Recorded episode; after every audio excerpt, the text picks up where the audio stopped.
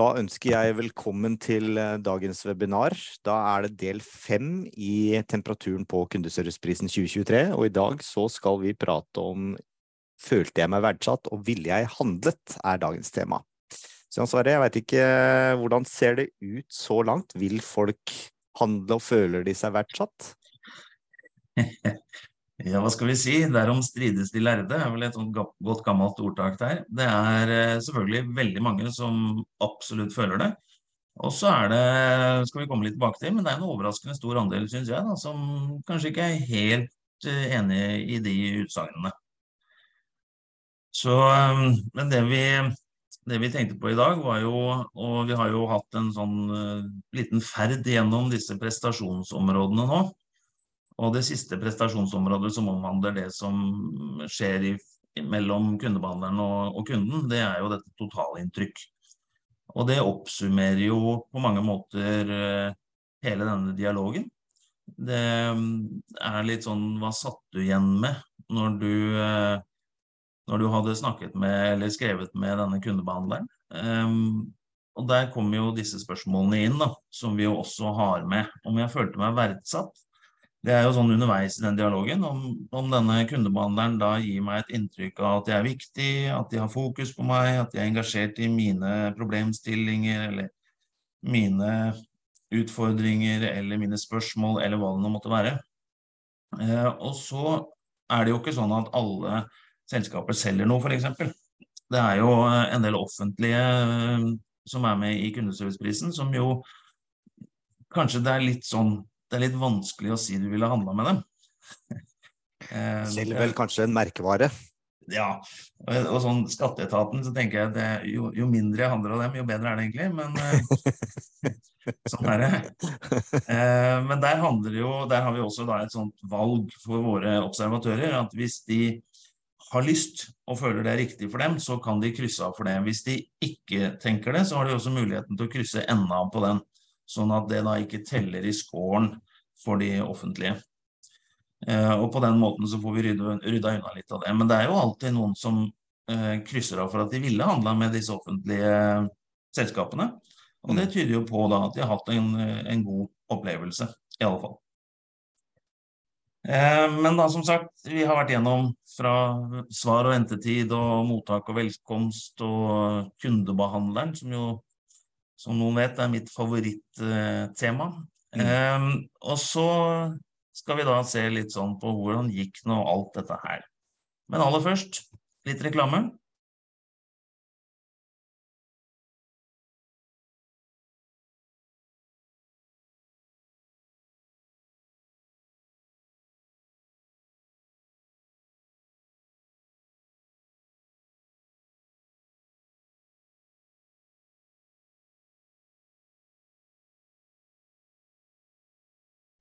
Norges beste kundeopplevelse. Ja. Det er det vi har. Og derfor så er det jo viktig også at man nå eh, husker på å kjøpe billett. Gå inn på kundeserviceprisen.no og få kjøpt seg en billett eller flere til denne kåringen 27.4. Så skal vi også på slutten i dag komme tilbake til litt mer om innholdet. Vi har hele veien igjennom snakka litt om dette her med ventetid. Eh, og det er jo flere grunner til. Det ene er at det er et tema som mange av deltakerne er opptatt av. Og dette er jo de rammene vi har på våre henvendelser. At vi venter i fem minutter på telefon, legger på hvis ikke får svar, prøver igjen en annen dag og venter igjen i fem minutter. Dermed så får man en mulighet til. På e-post så har vi satt grensa på tre dager. Eh, og den lengste ventetida jeg har sett på et autosvar hittil, er borti en måned. Og det er klart, da er det jo et eller annet som kan skje i mellomtida for den kunden, men også for det kundesenteret. På chat så har vi jo selvfølgelig chatboten, som vi også skal se litt nærmere på i dag. Men chatboten den svarer jo med en gang.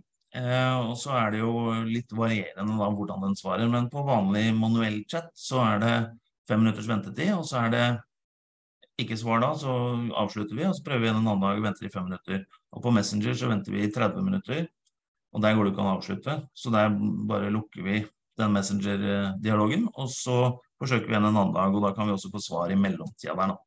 Mm. Så det er jo utgangspunktet. Og så starta vi jo i desember med å se litt på hvordan det gikk da. Så jeg har tatt med de desembertallene fortsatt. Og på telefon så starta vi med 12% ikke-svar.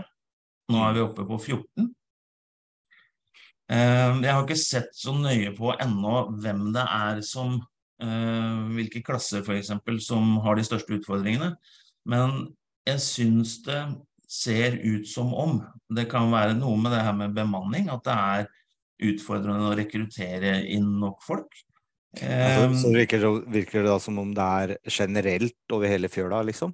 Nei, jeg tror ikke det er det. Men igjen, da, jeg har ikke sett sånn nøye på det. Men jeg har en liten sånn magefølelse, da. At det handler litt om strømbransjen i år også. Jeg tror det også kan handle litt om bank. Eh, og det kan jo være naturlig når du ser på eh, det som har stått i media det siste året, da, om strømpriser og eh, rentehevinger. Så er det klart, da blir dette mer aktuelt for folk. Og så blir det kanskje en del nye kunder da, som ikke har snakka med banken på den måten før som da kontakter banken. Sånn, for min del, f.eks. Jeg har jo ikke snakka med banken på flere år. Um, alt går i apper og på nett og sånn. Um, og plutselig da så er det noen nye kunder som kontakter dem, uh, og kanskje det er vanskeligere samtaler, det er kanskje mer følelser involvert, det er kanskje mer usikkerhet og sånne ting som gjør kanskje at samtalene blir litt lengre. Og når de blir lengre, så blir køen kanskje lengre igjen, og så baller dette her litt på seg, da. Ehm, så jeg tror det ligger noe der, og det får vi jo se, da. Vi skal ha en sånn gjennomgang av helheten eh, om en måneds tid. Og da, da, kan vi jo se litt nærmere på hva Er det noen klasser som skiller seg ut her. På e-post så uh, har det gått litt ned, men det er jo fortsatt sånn at én av fire ikke får svar innen tre dager. Eh, og det kan hende at det henger sammen litt med det samme. Eh, og så er det jo kanskje en kanal som man har en eller annen tanke om, da, med lengre ventetid enn det man har på de live-kanalene. På chat mm. så hadde vi en start i desember på 27 ikke-svar. Den har nå gått drastisk ned til 12 og det er jo, det er jo veldig bra. Og chatboten den er jo fortsatt på jobb. Svarer uh, i milden sky. Og også på Messenger, og det er jo litt gledelig. For det har jo vært en litt sånn Urias-post en stund. Det har vært mye rart på Messenger. Det er en del rart ennå. Men i hvert fall det at vi får svar, da, har jo gått ned fra 43, og nesten én av to som ikke fikk svar, til at vi nå er, nesten, er ned på nesten én av fire. Er det da folk som har lyttet til deg og stengt Messenger, så det er færre Messenger eh, tilgjengelig, eller har folk bare blitt bedre? Ja, det, er ikke, det, er ikke, så mange, men vi har opplevd mer endring av kontaktmåter i år enn det vi har gjort tidligere. Ja. Det har vært mye mer sånn Så var chatten tilgjengelig, og så var den ikke Så det har vært masse sånn fram og tilbake. Så vi har måttet være veldig på å bytte kontaktmåter for en del deltakere litt sånn hyppig. Sånn at ikke vi skulle ende opp med at det ble eh, feil på noen måte. Mm. Um, så vi, vi, har jo en, en, følelse av hvordan det der fungerer. Um, men det virker som om det er noen som i hvert fall har begynt å, skal vi si, begynt å svare på den messengeren som de har åpen. Og det er, det er jo en bra ting. Absolutt. Ja, og så er det jo noe, det kan vi jo se på neste gang også, men det er jo noe med hvordan svarer man. Men ja. uh, vi får i hvert fall svar fra, fra flere, da. Det er bra. Og jeg vil bare legge til også, hvis det er noen som har noen spørsmål til slidene eller generelt til kundeserviceprisen, så er det bare å kaste seg på chatten, og så tar vi det fortløpende underveis når uh, Jan Sverre tar noen pustepauser uh, mellom slaga. og da skal jeg puste òg. så nei, så det er uh, noen kontaktmåter har litt sånn same same, og andre så er det positive endringer. Så det, det, er jo tydelig at det skjer noe. Og kanskje var det sånn at desemberperioden var mer hektisk for flere klasser enn det vi kanskje tenkte i utgangspunktet. Og Det er også noe jeg hører rundt omkring, da, at disse bølgene med kunder de kommer på helt andre tidspunkt og på helt andre måter enn det de har gjort før. Det er mye vanskeligere å eh, planlegge på samme måte som man gjorde tidligere. Da. Så det er kommet noen nye utfordringer også for ledelsen i kundesentrene i forhold til dette her med når er folk i kontakt, og hvor mange av gangen osv.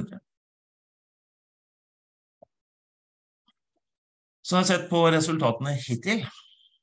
Eh, og den grå der, da, det er 2022. Totalresultatet. Eh, og der endte vi på 64,6 med alle samtaler, også de som vi ikke fikk svar på, som jo da skårer null. Hittil i 2023 så ligger vi på 64,4. Tenker du om det, Eivind? Nei, da er det jo likt, da, som i fjor. Ja. Godt tima tilrettelagt. Ja. eh, og så ser vi jo da den samme trenden som vi så i fjor, og som vi så året før, og som vi har sett i lang tid, at telefon helt tydelig er den kanalen hvor det er enklest å få gode opplevelser, hvor det lykkes best, osv. Så, så noen sier jo at telefon eh, ikke er så viktig, men eh, fra der hvor vi står og ser på dette så er det jo ekstremt viktig. For det er der du virkelig kan levere de gode opplevelsene. Mm. Ja, det, er det er ikke noe tvil om det i det hele tatt, i forhold til å få en dialog kontra en seriemonolog. Ja. Det er, eh, det er et eller annet der. Ja. ja. Og så har du jo de andre tre kontaktmåtene. Det er jo skriftlig, da. Og skriftlig så er det jo litt sånn variasjon, men rundt 7% av kommunikasjonen er igjen når du bruker ord, og bare ord. Og det betyr jo at det er mye vanskeligere i utgangspunktet, rammene er mye vanskeligere når du har chat, e-post og Messenger enn det det er på telefon.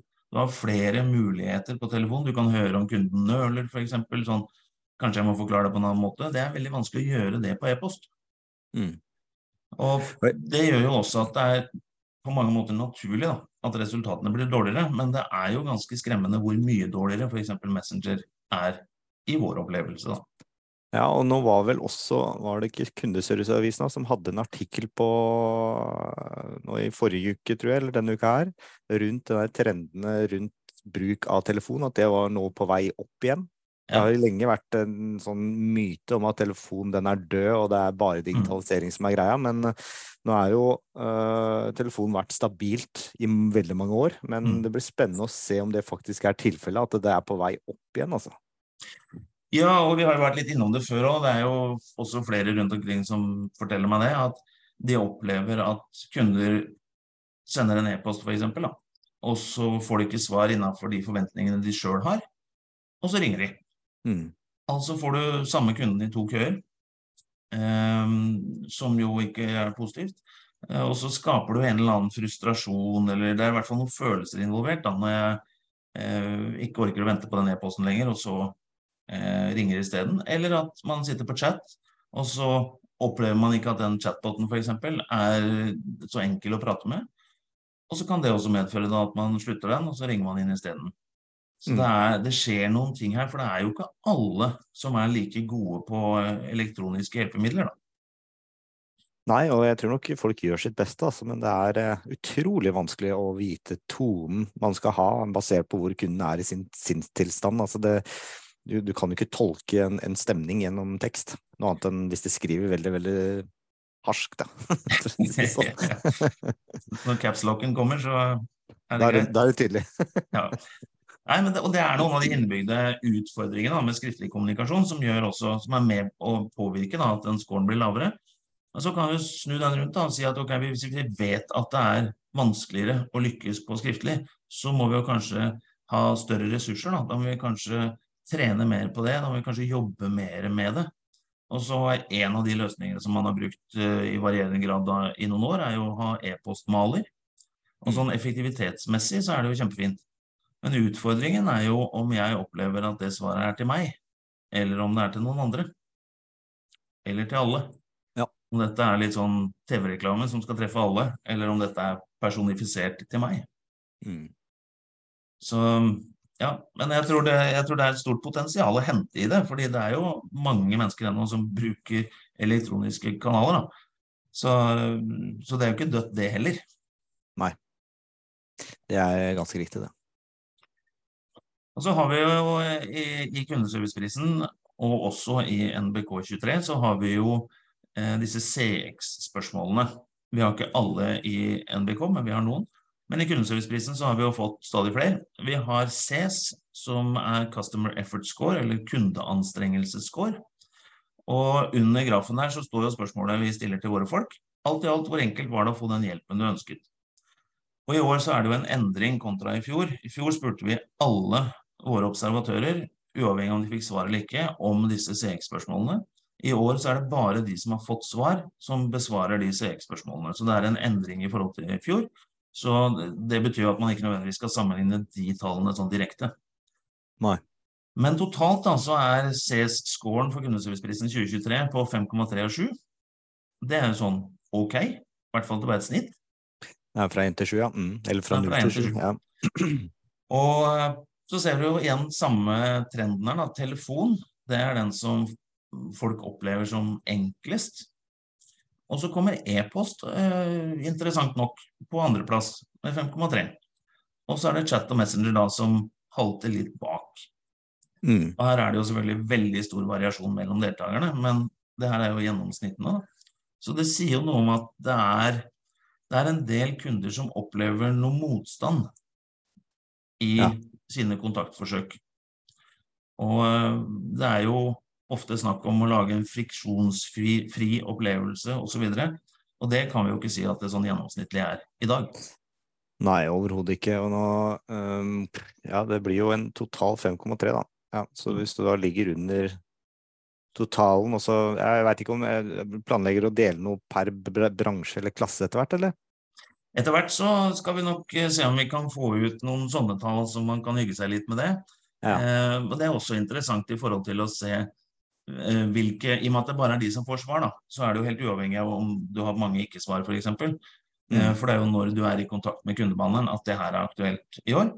Og Ja. det betyr jo da at det er den helheten som viser seg her på én av disse måtene. Ja, og det, det er jo, bare så vi tar det også, customer effort score er jo liksom kundeanstrengelsesscoren, er vel den Mm. norske oversettelsen. Den er jo linket opp mot hvor sannsynlig er det at du får økt omsetning fra denne kunden over tid. Ikke sant? Fordi det er eh, en ny parameter som kom for jeg husker ikke nå, et par år siden eller noe sånt nå, Mm. hvor man begynte å måle det istedenfor den tradisjonelle NPS-en som Mm. sier vil du anbefalt eller ikke, for det, det, er, mer, det, er, det er større enn bare kundeserviceinteraksjonen Mm. eh, man måler der. Så det er jo klart at hvis man har da bransjer som er veldig konkurranseutsatt, og du ligger eh, kanskje litt under da, snittet, eller du prioriterer ikke telefon eh, på ditt kundesenter, så vil jeg jo da kanskje sett litt på det her og se vi er vi ønsker økt omsetning, vi ønsker å ha mer fornøyde kunder. Da bør vi kanskje gjøre noe med telefonen vår. Hvis det er der kanskje skoen trykker da for det ene selskapet eller kundesenteret. Ja, og der har jo du f.eks. snakka om dette med hvor mange er det egentlig ekstra du må ha da, for å øke Mm. kapasiteten når du har et sett med kundebehandlere. Ja, Og det er jo overraskende få.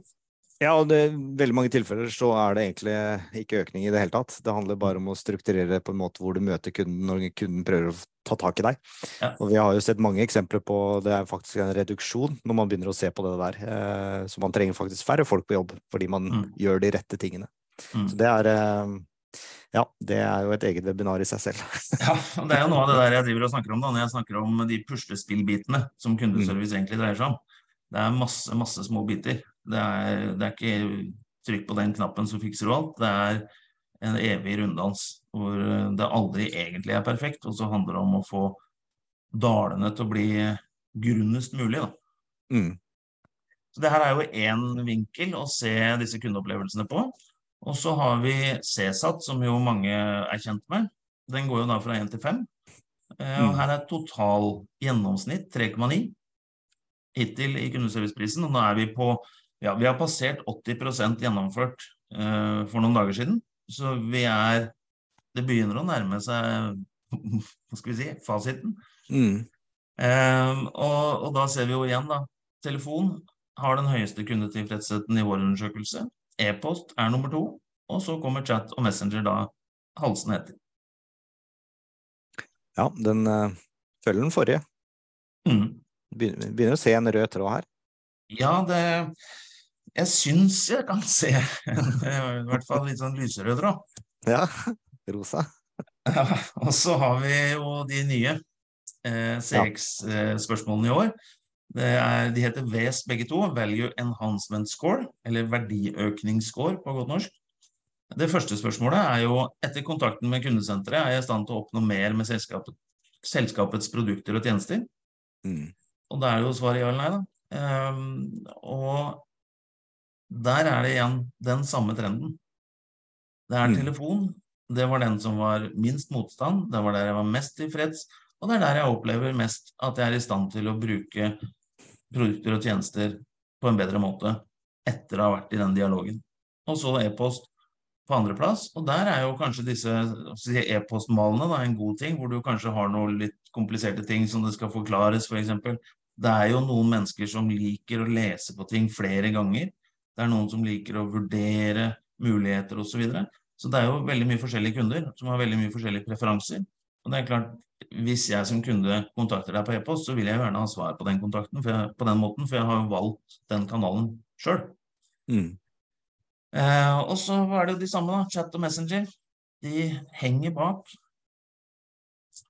Eh, kommer liksom ikke er jo Hæ? De kommer liksom ikke over snittet. Nei. Og det, det som jeg også tenker, da, den her verdiøkningsscoren, det er jo eh, som vi har snakka om tidligere, det er jo en, en, en, ny variant av NPS. da. Mm.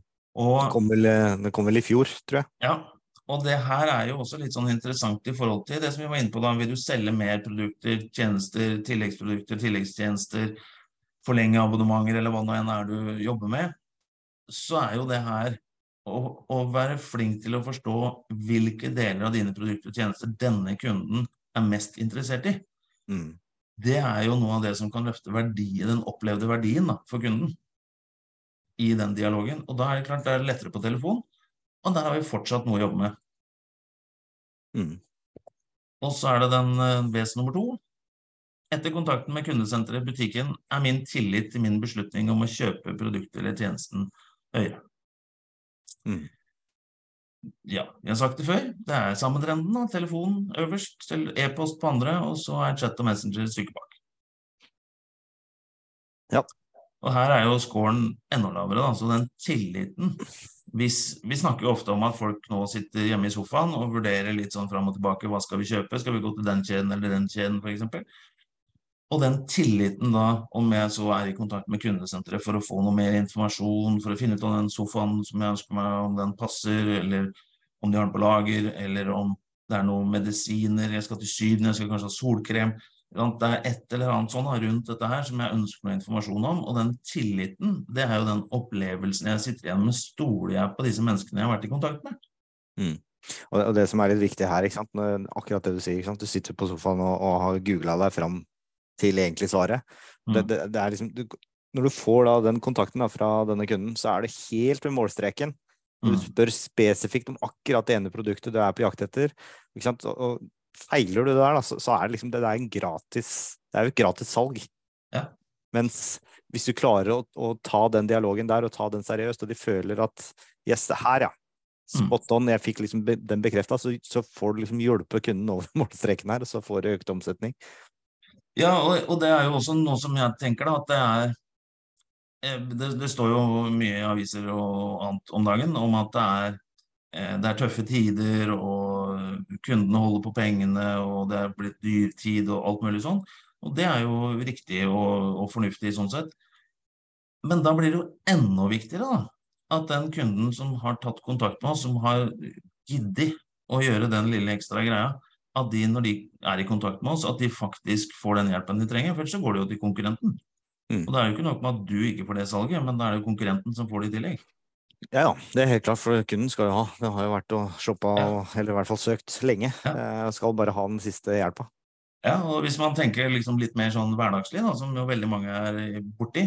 Hvis du går i en butikk som har en konkurrerende butikk, kanskje på det samme kjøpesenteret, og du ikke er fornøyd med den hjelpa du får, eller du får ikke noe hjelp, så er det jo veldig enkelt å gå til en annen butikk. Mm. Og det er jo det samme som skjer i en kundesentersetting. Helt riktig. Så det ligger et potensial her da, i å løfte den kvaliteten og engasjementet rundt hver enkelt kunde for å løfte den opplevelsen av verdi, for å løfte, opplevelsen av tilfredshet, og for å ta bort eventuelle hinder på veien. Og det er jo mm. fortsatt noen som har så masse tastevalg i verden sin at det tar over to minutter å komme gjennom. Og det oppleves jo ikke enkelt. Nei, og jeg, jeg, jeg, har jo en eh, sånn personlig greie som jeg kom på akkurat nå når du nevnte det. og det jeg har jo vært Tibber-kunde, eh, og det var fram til jeg måtte drive og legge ut for de på strømregninga, som veldig mm. mange andre. Da bytta jeg.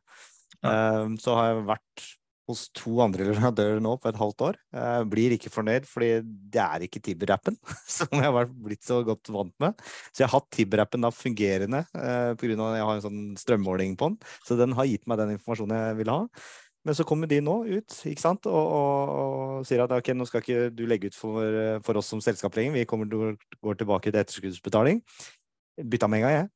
Ja. Og det, det, handler om liksom, at jeg er såpass opplyst at jeg, jeg, vet hvilke tjenester de har. Så det handler bare om den rette kundeservicen. Og i denne sammenheng da, så handla det om at jeg skal ikke legge ut penger for de i forkant. Mm. Mm. Så nå endra de den greia, og da er jeg liksom tilbake, da.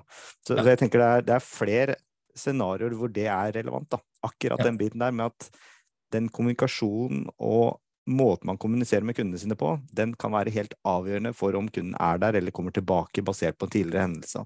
Mm. Og det du snakker om der, da, det er jo bare ett av flere eksempler det siste halvåret, året, hvor uh, selskaper har gjort ting som de kanskje ikke burde gjort. Mm. eh, og som da har merka en reaksjon fra kundene, fordi at de opplever ikke de tingene som de ønsker, eller det de forventer, eller de behovene de har, blir ikke dekket. Og på den måten da, så skaper du enda mer motstand. Mm. Da er det lett å velge en annen, i hvert fall når produkter og tjenester blir likere og likere og likere. Gjør det. 5. mars er jeg tilbudt igjen. sånn kan det gå. Og så er det NPS-en, da. og den, eh, De lærde strides om NPS-en. Vi har jo med disse CX-spørsmålene. De har ikke noe innvirkning på totalresultatet. De har sine Nei. egne spor. Eh, og så kan jo de som kjøper rapport, da, de kan jo velge hvilke av disse her de ønsker å fokusere på. Det er jo selvfølgelig helt frivillig. Men vi har med alle disse fem, og da den siste er NPS. Og Totalt så ligger nå NPS-scoren som går fra minus 100 til pluss 100. Og hvis du er over null, så har du jo en overvekt med ambassadører. Eh, og nå er totalen, gjennomsnittet, null. Ja, så der er det litt å hente. På tre. og da, hvis vi ser på telefonen, da, så er det jo den samme trenden igjen. Telefon, der har de i hvert fall opp på 15, da, på pluss, mm. eh, totalt. Og det tyder jo på at det er noen som er ganske langt opp. Og så er det noen som er ganske langt ned, men det er da i hvert fall på plussida. Mens chat, som jo veldig veldig mange er opptatt av, mange som ikke har chat, snakker om å få chat, de snakker om å få chatbot osv., den har da i vår undersøkelse hittil en NPS-score på minus 23. Ja. Da er det er det da Er det da verdt å tenke så mye på den chatboten? det det. Det kommer jo an på hvilke prioriteringer du har. da. Hvis, du, ja. hvis, det er veldig viktig for deg å spare penger på medarbeidere, f.eks., ja, så er jo chatbot en fin greie. Mm. Eh, hvis du vil ha en litt sånn kombiløsning, det er en del spørsmål som kommer inn til kundesenteret som kanskje er enkle, som en chatbot faktisk kan svare på, så er det kjempefint. Og da er det jo samtidig viktig å ha en, en løsning hvor det er lett for de kundene som har litt mer kompliserte ting, å få tak i et menneske. Mm. Så det er jo mange sånne overveielser, tror jeg, da, basert på hva vi ser som det kan være lurt å, å gå gjennom. Jeg tror ikke det er noe vits i å ha en chatbot bare for en chatbot. Men ett spørsmål. Dette her er jo fra de potensielle nye kundene, ikke sant? Ja. Eh, du kjører jo en undersøkelse til.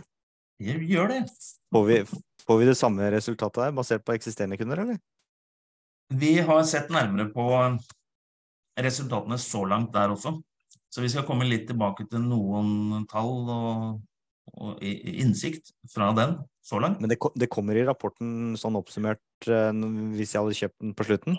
Hvis du kjøper rapporten etter kundeserviceprisen, så har du jo kundeserviceprisrapporten, som jo er som den er, med all den innsikten. Og så jobber vi med å finne måter å lage rapporter også for NBK, sånn at man også kan få detaljert innsikt om hva de eksisterende kundene eh, tenker og opplever.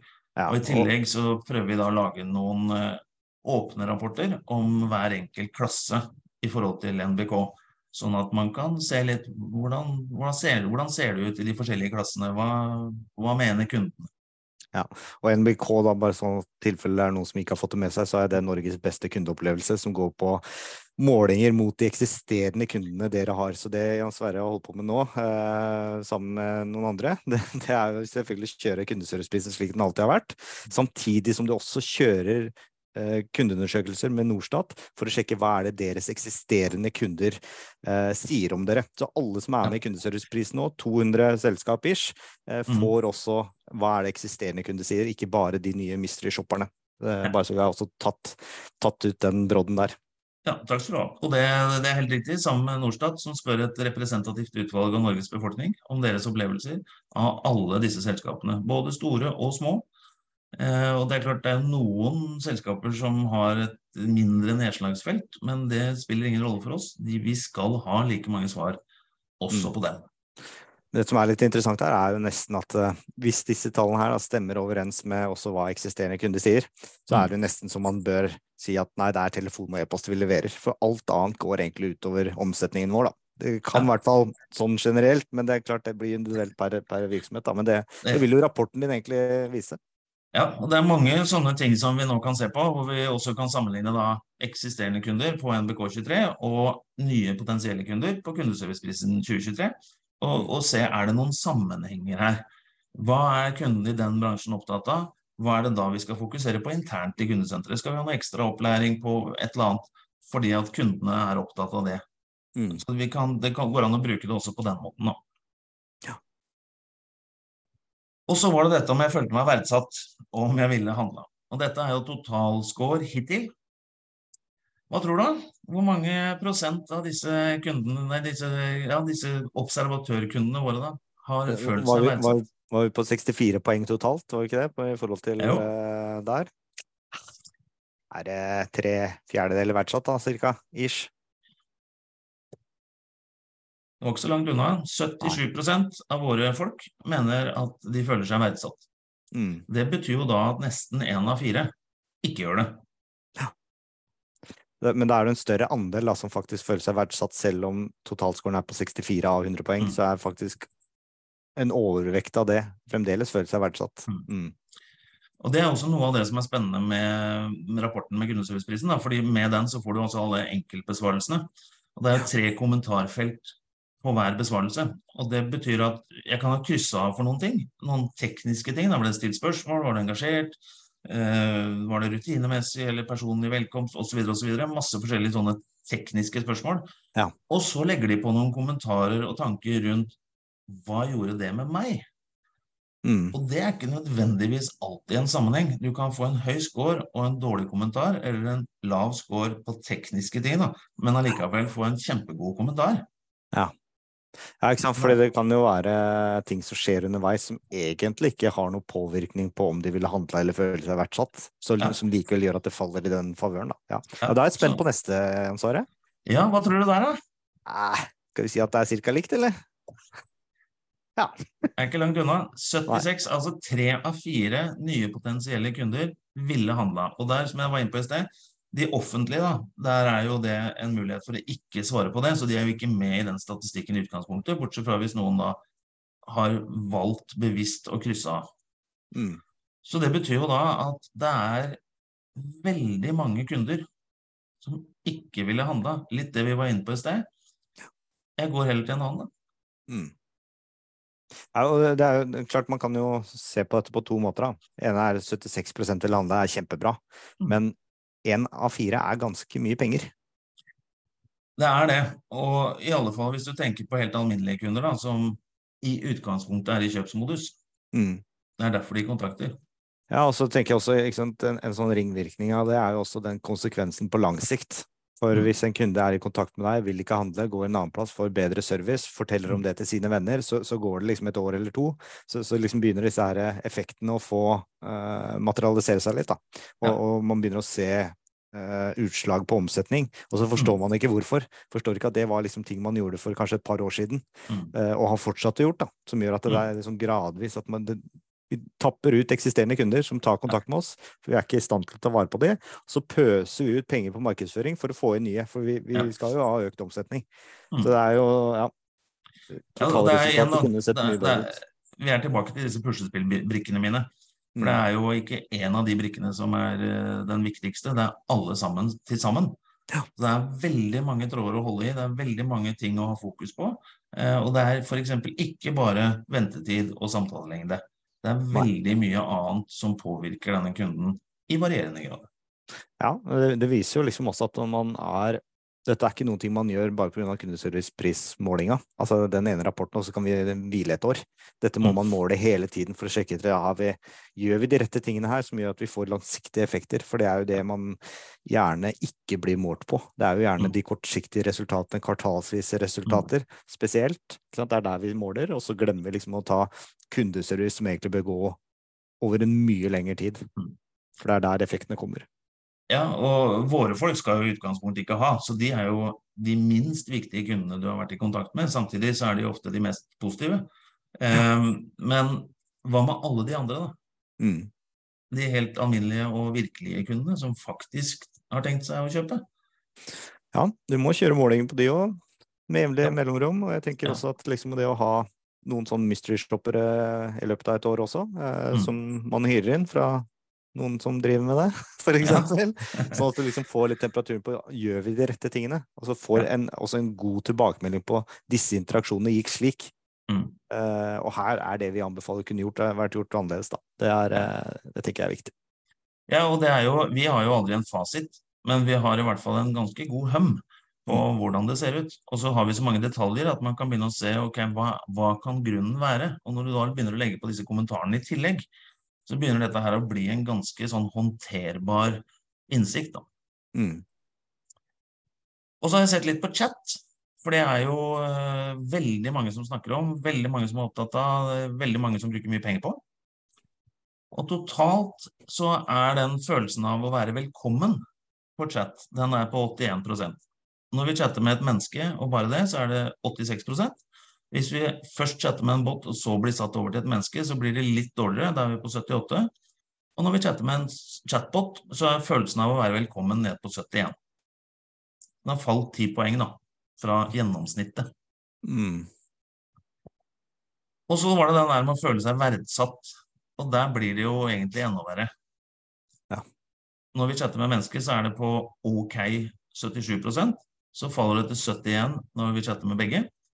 Og når det er en chatbot vi er i kontakt med, så er gjennomsnittet for de da 55% Så hvis det er viktig da, at kunden skal føle seg verdsatt, og ikke minst handle, så kan det være viktig å, å jobbe litt mer med dette her, Mm. rett og slett. Sitter du med innsikt på hvorfor det ender opp sånn, eller? Hva er, ja, det Um, gjør det vel kanskje, for det kommer ja. kommentarer fra disse mystery shopperne? Ja, vi har masse svar på det, men det er, jeg har ikke ennå. Det er, så mye å holde styr på fortsatt at eh, vi har ikke helt gått inn i detaljene ennå, men det er jo veldig stort sprik i disse chatbotene, f.eks. Det er noen av dem som er i ferd med å få mye skryt, som begynner å fungere ganske bra, og som det er relativt enkelt å kommunisere med, mens det er andre som du må være veldig god til å gjøre om spørsmålene dine til ord den forstår. Eh, og en av de som vi tok opp sist, er jo dette nye eh, prestasjonsområdet vi har med i år, som heter GDPR, hvor vi tester ut litt, hvor det ikke er eh, poeng på, så det får ikke noe innvirkning på totalresultat osv. Eh, men GDPR, de fire bokstavene, bør i hvert fall alle chatboter forstå. Mm. Og hvis du har litt ekstra tid hos han programmereren din, så kan du jo få han til å legge inn også personvern.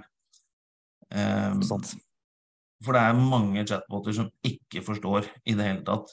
Eh, og det handler jo egentlig om hva du putter inn, da. Fordi den er jo ikke smartere enn det den har lært. Hvor mye av menneskene er det som har et godt svar på det? Det varierer også litt. Ja, det gjør Ja. Men der er det lettere, da. Så stiller vi noen flere spørsmål rundt dette her. Og, eh, om hvordan de bruker det, og om det går an å slette det, hvordan de gjør det, osv. Og, Mm. og det er ikke alle som har helt styr på det. Nei. Kan vi si. Men det er mange som har tatt en sånn enkel løsning. da, Bare sender en link for eksempel, på, når vi er på chat. da, Sender en link til eh, hjemmesida der hvor det står om personvern. Og, Ja. Det er i hvert fall bedre enn ingenting. Ja, det Alt er bedre enn ingenting. Ja. Nesten. Vi ser på disse CX-scorene for chat igjen. da. Chat totalt 4,9 på CS, og der var vi jo på hva var det vi hadde, 5,6 for totalen. Mm. Og chatboten den er jo helt ned på 4,2. Kundetilfredsheten Ja. Det er ikke der jeg er mest fornøyd, altså. Nei. Og så var det disse VES-spørsmålene. Den ene da et snitt på 4,9, som vi så i stad. Da er det ned på 4,2 for chatboten. Og så er det omtrent det samme på den. Mm. Så det er eh, Mennesket scorer best på chat og på telefon. Det er, eh, det er noe med det, da. Mennesket liker mennesket. Ja, det er jo eh, eh, ah, Jeg skulle så ønske det hatt et dypdykk her nå, men eh, det, kan, det kan du gjøre seinere. ja. Og så er det jo en PC-en, da. Minus 23 totalt. Og chatboten da helt ned på minus 46. Ja, det var drøyt. Og da er det jo ikke snakk om ambassadører i det hele tatt. Da er det jo i ferd med å bli sånn aktivt negative. Det er korrekt. Og det, det er litt skummelt, og det er jo litt som vi har vært inne på i noen forskjellige settinger nå i dag, men den, der, den opplevelsen kunden sitter igjen med, det er jo den som er det viktige. Mm. Hva, hva man på innsida i kundesenteret opplever, at det er f.eks. mer effektivt, eller det er noen andre sånne fordeler man har, det er jo kjempefint. Men hvis kundene ikke liker det, så er det ikke sikkert at det er en god idé. Og da må man jo jobbe mer da, med disse her eh, automatiske tingene sine, og få de til å fungere på en måte som gjør at kundene opplever det som bedre. Mm. Og det er nok en utfordring.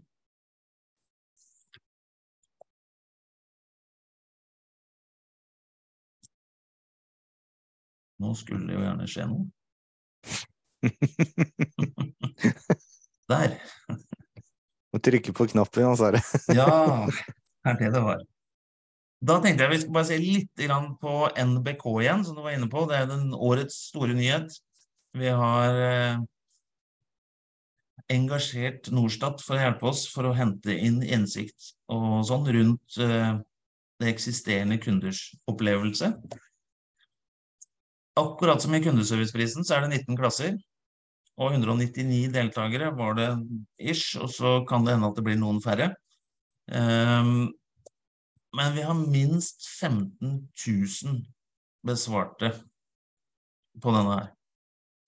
Og så har vi snaut 5000 da etter hvert på kundeserviceprisen, så vi runder jo 20 000 kundeopplevelser i disse Mm. to undersøkelsene til sammen. Mm. Og eh, i NBK så spør eh, Norstat om hvor lenge de har vært kunder, hvor tilfredse de er generelt, og det skal vi nok se nærmere på neste gang. Eh, og eh, åtte undernivåer eh, rundt den tilfredsheten.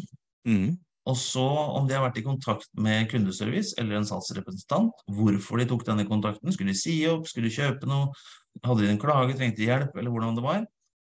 Og så om de har brukt 600-temaet. Ja, og det er jo flere av disse her, da. Hvordan, hva, hva kommer da? Mm. Eh, Og hvordan var du fornøyd med det? Og om de har brukt hjemmeside og selvhjelpsfunksjon, hvor eh, lett eller vanskelig var det? Og så er det denne boten, da.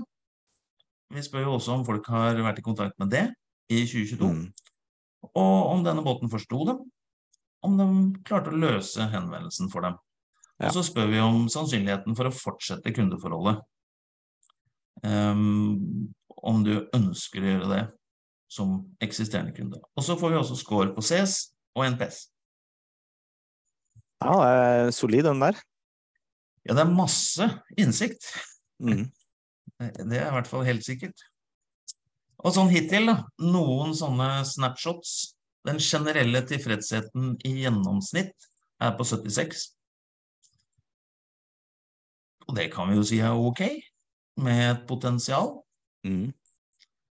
Av disse Nå er vi ja, 6500-7000 som jeg har fått fra Norstat.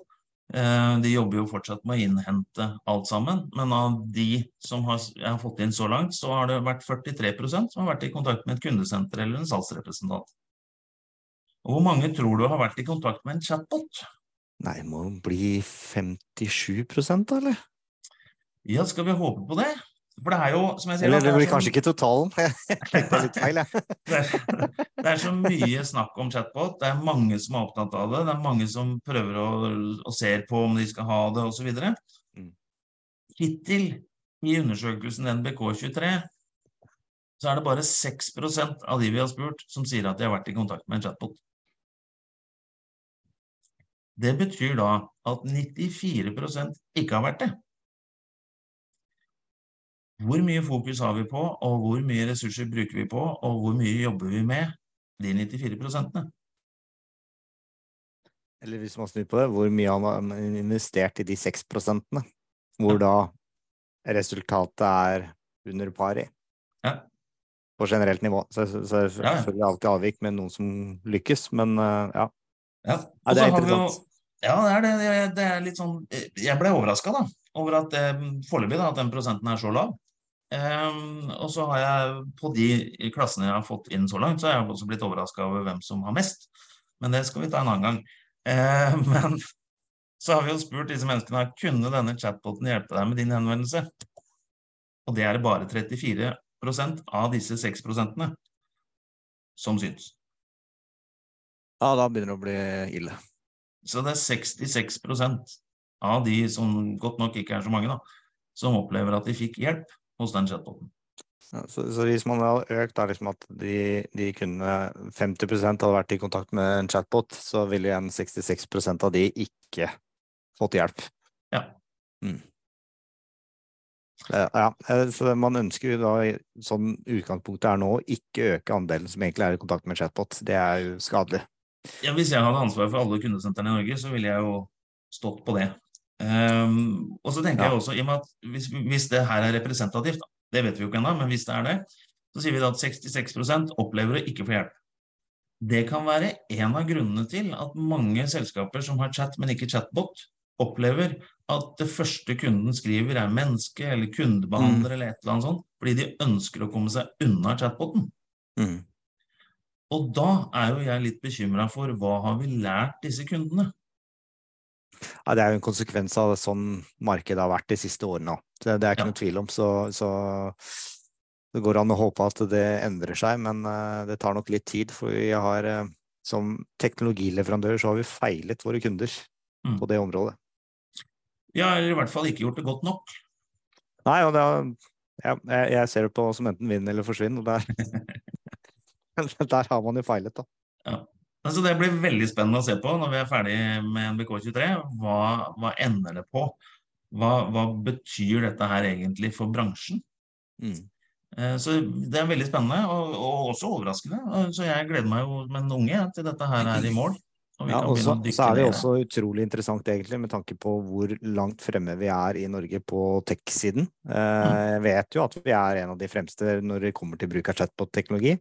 Det begynner jo å rulle ut nå i resten av verden på en måte i forhold til hvor langt fremme vi er. Så nå er vi over den hype-cyclen. Vi har kommet til et stadie hvor vi vet hva vi vil og hva vi vil ha, og hva som fungerer og ikke fungerer, og vi begynner å skrive mennesker hver gang vi er i kontakt med disse her. Så det er klart resten av verden vil vi gå gjennom den samme syklusen her, da. Så får man jo håpe på at eh, implementasjonen og teknologiene er bedre enn når Norge fikk dette i bruk første gang, i hvert fall.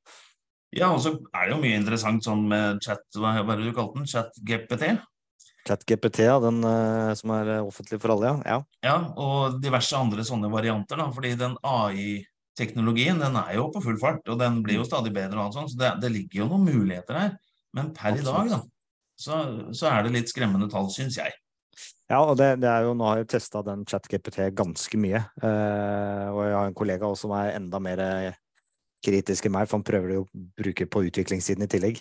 Mm. det, er jo, det er jo der at vi har konstatert med at når det er spesialområder, så er ikke den ChatGPT god nok. For den, den, den kommer med feilsiteringer, den kommer med, med kilder som ikke eksisterer.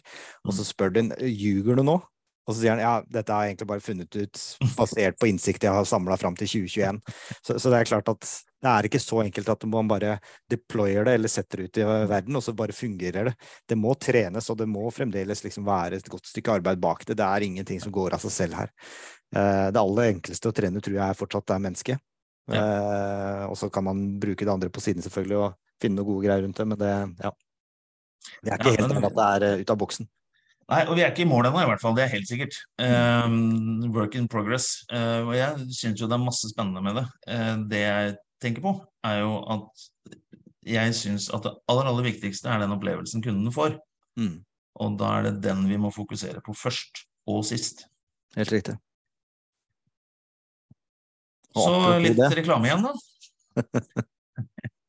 27. april så skal vi jo kåre en masse vinnere, både i Kundeserviceprisen 2023 og i NBK23, Norges beste kundeopplevelse. Vi har hyra inn kapteinen fra Kompani Lauritzen. Han som eh, En av de hovedgrunnene til at han har gjort det, er at han får folk som er livredd for vann, som ikke kan svømme, til å svømme under isen. Og når jeg tenker på det, så tenker jeg ja, tenk hva vi da kan få alle disse fantastiske kundebehandlerne til å prestere. Så hans oppgave blir å hjelpe til med idé, tanker, inspirasjon, teknikk osv. for å få enda mer ut av disse kundebehandlerne, sånn at de opplever enda mer mestring. Og her blir det live workshops òg, gjør det ikke det?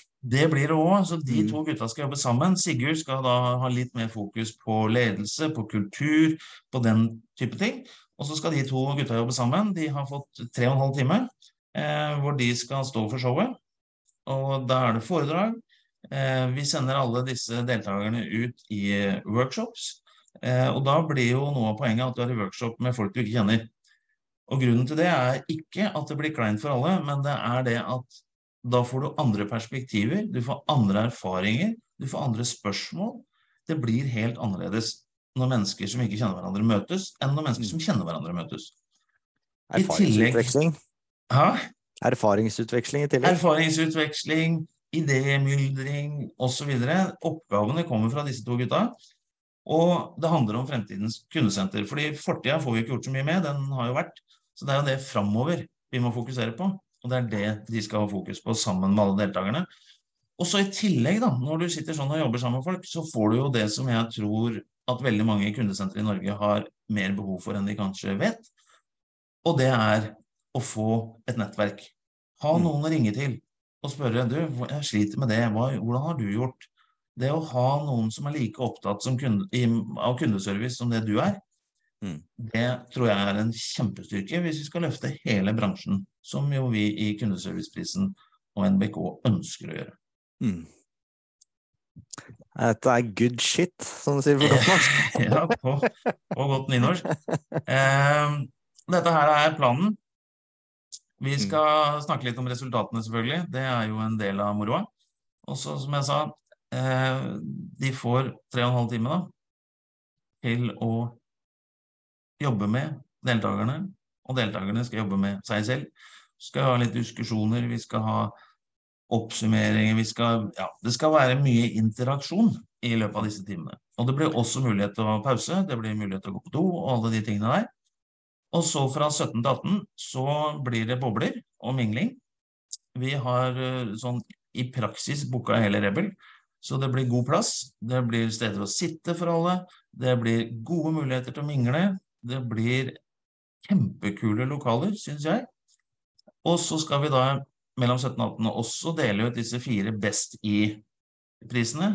De som er best på telefon, best på chat, best på Messenger, best på e-post. Sånn at vi også får hylla de. Og så fra 18 så kommer maten på bordet.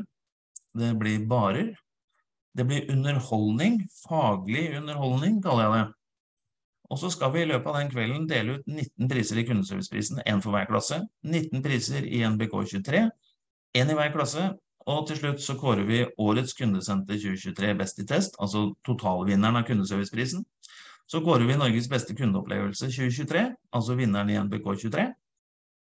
Og så skal vi kåre Norges beste kundesenter 2023, som da er totalvinneren best totalt i de to undersøkelsene. Ja. Og erfaringene fra i fjor er at her går det slag i slag, fort som rakkeren under prisutdelingen. Ja, så vi, vi kommer jo i år også til å streame utdelingene, sånn at eh, folk som sitter på kundesenteret rundt omkring kan følge med om de har lyst til det. Vi kommer til å legge ut tidsplaner for det. Det blir kortere mellomrom i år enn det det var i fjor. Det blir mer effektivt. Det blir mer eh, tid etter at vi er ferdig til å spise og drikke og kose og kanskje danse litt og så. Eh, og vi kommer til å ha fotografer til stede, så vi skal ta bilde av alle vinnerne, sånn at man også kan få med seg et sånt minne hjem. Og vi kan få delt det ut i verden, sånn at folk kan se for noen fantastiske mennesker som har vunnet alle disse prisene. Så jeg tror det kommer til å bli veldig gøy, og som sagt da underholdningen er faglig. Eh, også et litt sånn annen måte å gjøre det på. Mm. Og vi kommer til å ta det helt ned. Så vi kommer til å løpe rundt i hoodies i år som i fjor. Eh, og det blir ingen hvite duker og sånn. Dette her er folkelig. Det er for kundebehandlere, det er viktig. Det er for teamledere og den typen eh, stillinger. Og det er for lederne i kundesenteret. Det her er et sted hvor du skal få med deg noe helt konkret hjem som du kan bruke i din hverdag. Mm. I tillegg til godt nettverk og nye kjente og litt gøy. Og kanskje til og med en diplom. Ja, og du sa også streaming, og det går fra det er kun prisutdelingen. Eh, Bare du- prisutdelingen, ja. Skal du få en dag hvor du virkelig har noen ting å ta med hjem i verktøykassa, så kommer du for pokkeren meg på Rebel 27. april, og så får med deg foredraget til kapteinen og Sigurd. Ja. Og så få litt eh, faglig påfyll og et godt nettverk. Det er, eh, det er i hvert fall min oppfordring. Eh, Sitte og se på streaming, det er fint, det, men det må være fordi man ikke har anledning. Ikke fordi man tenker at det er like mye verdi. Det det Og som du sier, det handler om at eh, prisene de vil vi gjerne streame, fordi vi vet at man kan ikke tømme alle kundesentrene i Norge en hel dag. det vil vi i hvert fall ikke ha skylda for. Eh, og da er det veldig hyggelig å kunne gi de den opplevelsen, særlig de som vinner, da, gi de den opplevelsen av å være litt med på den eh, kåring. Bra. Yes. Det var eh, dagens epistel. Da er vi ferdige. Har du noen, fått inn noen spørsmål eller noen tanker eller noen sånne ting? Ja? Det er ingen spørsmål eh, så langt. Um, viktig å huske på, da. Det er neste, neste webinar, hvor det er da oppsummering av alt. Håper du, Jan Sverre, kommer og deler enda litt mer eh, stats. Eh, Det er alltid spennende. I hvert fall fra, fra Norges beste kundeopplevelse. Eh, Det er da ikke i april, men det er 30. i mars. Altså 30. i tredje, var det jeg holdt på å si. Ja. Eh, 30. mars er eh, webinaret for eh, oppsummering. Sender ut kanskje, skal være litt flinkere denne gangen, sende ut webinaret og lenke til påmelding noen dager i forkant, ikke bare dagen i forkant, sånn at vi får påminnet folk om det. Men noter datoen, 30. i tredje klokken 9. Da kommer vi med oppsummeringen. Og så er jo da etter det så er det selvfølgelig å delta på den 27. april, som eh, er eh, liksom prikken over i-en, eller toppen av kransekaka, eller hva vi skal kalle det. Jeg er supergira på, på eventet i år, Jan Sverre. Jeg syns ut fra det jeg har fått vite så langt, så har du klart å tromme sammen noe sinnssykt kult som jeg ikke har sett før. Eh, Det å ha en live eh, interaksjon med de foredragsholderne, og hvor du får masse innsikt og inspirasjon, det er eh, å virkelig få med noen ting hjem. Det er, eh, det er kult. Så det skal du Ja. ha honnør for, selv om vi ikke har eh, avholdt det enda. Ja, og det er, eh, det er jo en grunn til at det heter deltaker på kåringa. Ja. Ja, fordi du skal være deltaker. Du sitter ikke bare og lener deg tilbake og slapper av. Her eh, skal svetten renne. Ja. Eh, Så jeg er helt enig i det å melde seg på der og få være med i det. Ta gjerne med noen kundebehandlere. Noen har kjøpt billetter til lederne, og så har de kjøpt noen ekstrabilletter som de skal lage noen interne konkurranser eller et eller annet rundt da, for å ta med seg noen av kundebehandlerne. Det syns vi er kjempefint eh, at folk gjør, for det er jo derfor vi holder på med dette her. Fordi vi vil at disse menneskene som har Norges tøffeste jobb, skal få enda mer verktøy og muligheter for å gjøre den jobben enda bedre. Og så er det jo for de da som ønsker enda mer detaljert innsikt, rapporter, kundeserviceprisen og NBK, mulighetene kommer. Så det er bare å si fra om interessen. Hvis det er sånn at man tenker at nei, vi kan ikke dra så mange på kundesenteret, så er det lov vet, å sende ut en melding til kundene sine som prøver å ta kontakt den dagen og si at vi prøver å forbedre oss, og derfor så har vi litt lavere bemanning akkurat i dag. Ja, Det, det er, jeg tror det er akseptabelt på én dag. ja, ja. Det, er, det hadde jo vært gøy, det. Og så i tillegg da, så er det selvfølgelig en sånn grupperabatt hvis du er mer enn tre. Og da sparer du en tusenlapp per billett, så det monner det. Det gjør det helt klart. Men da er vi i mål da, Jan Sverre. Vi er det.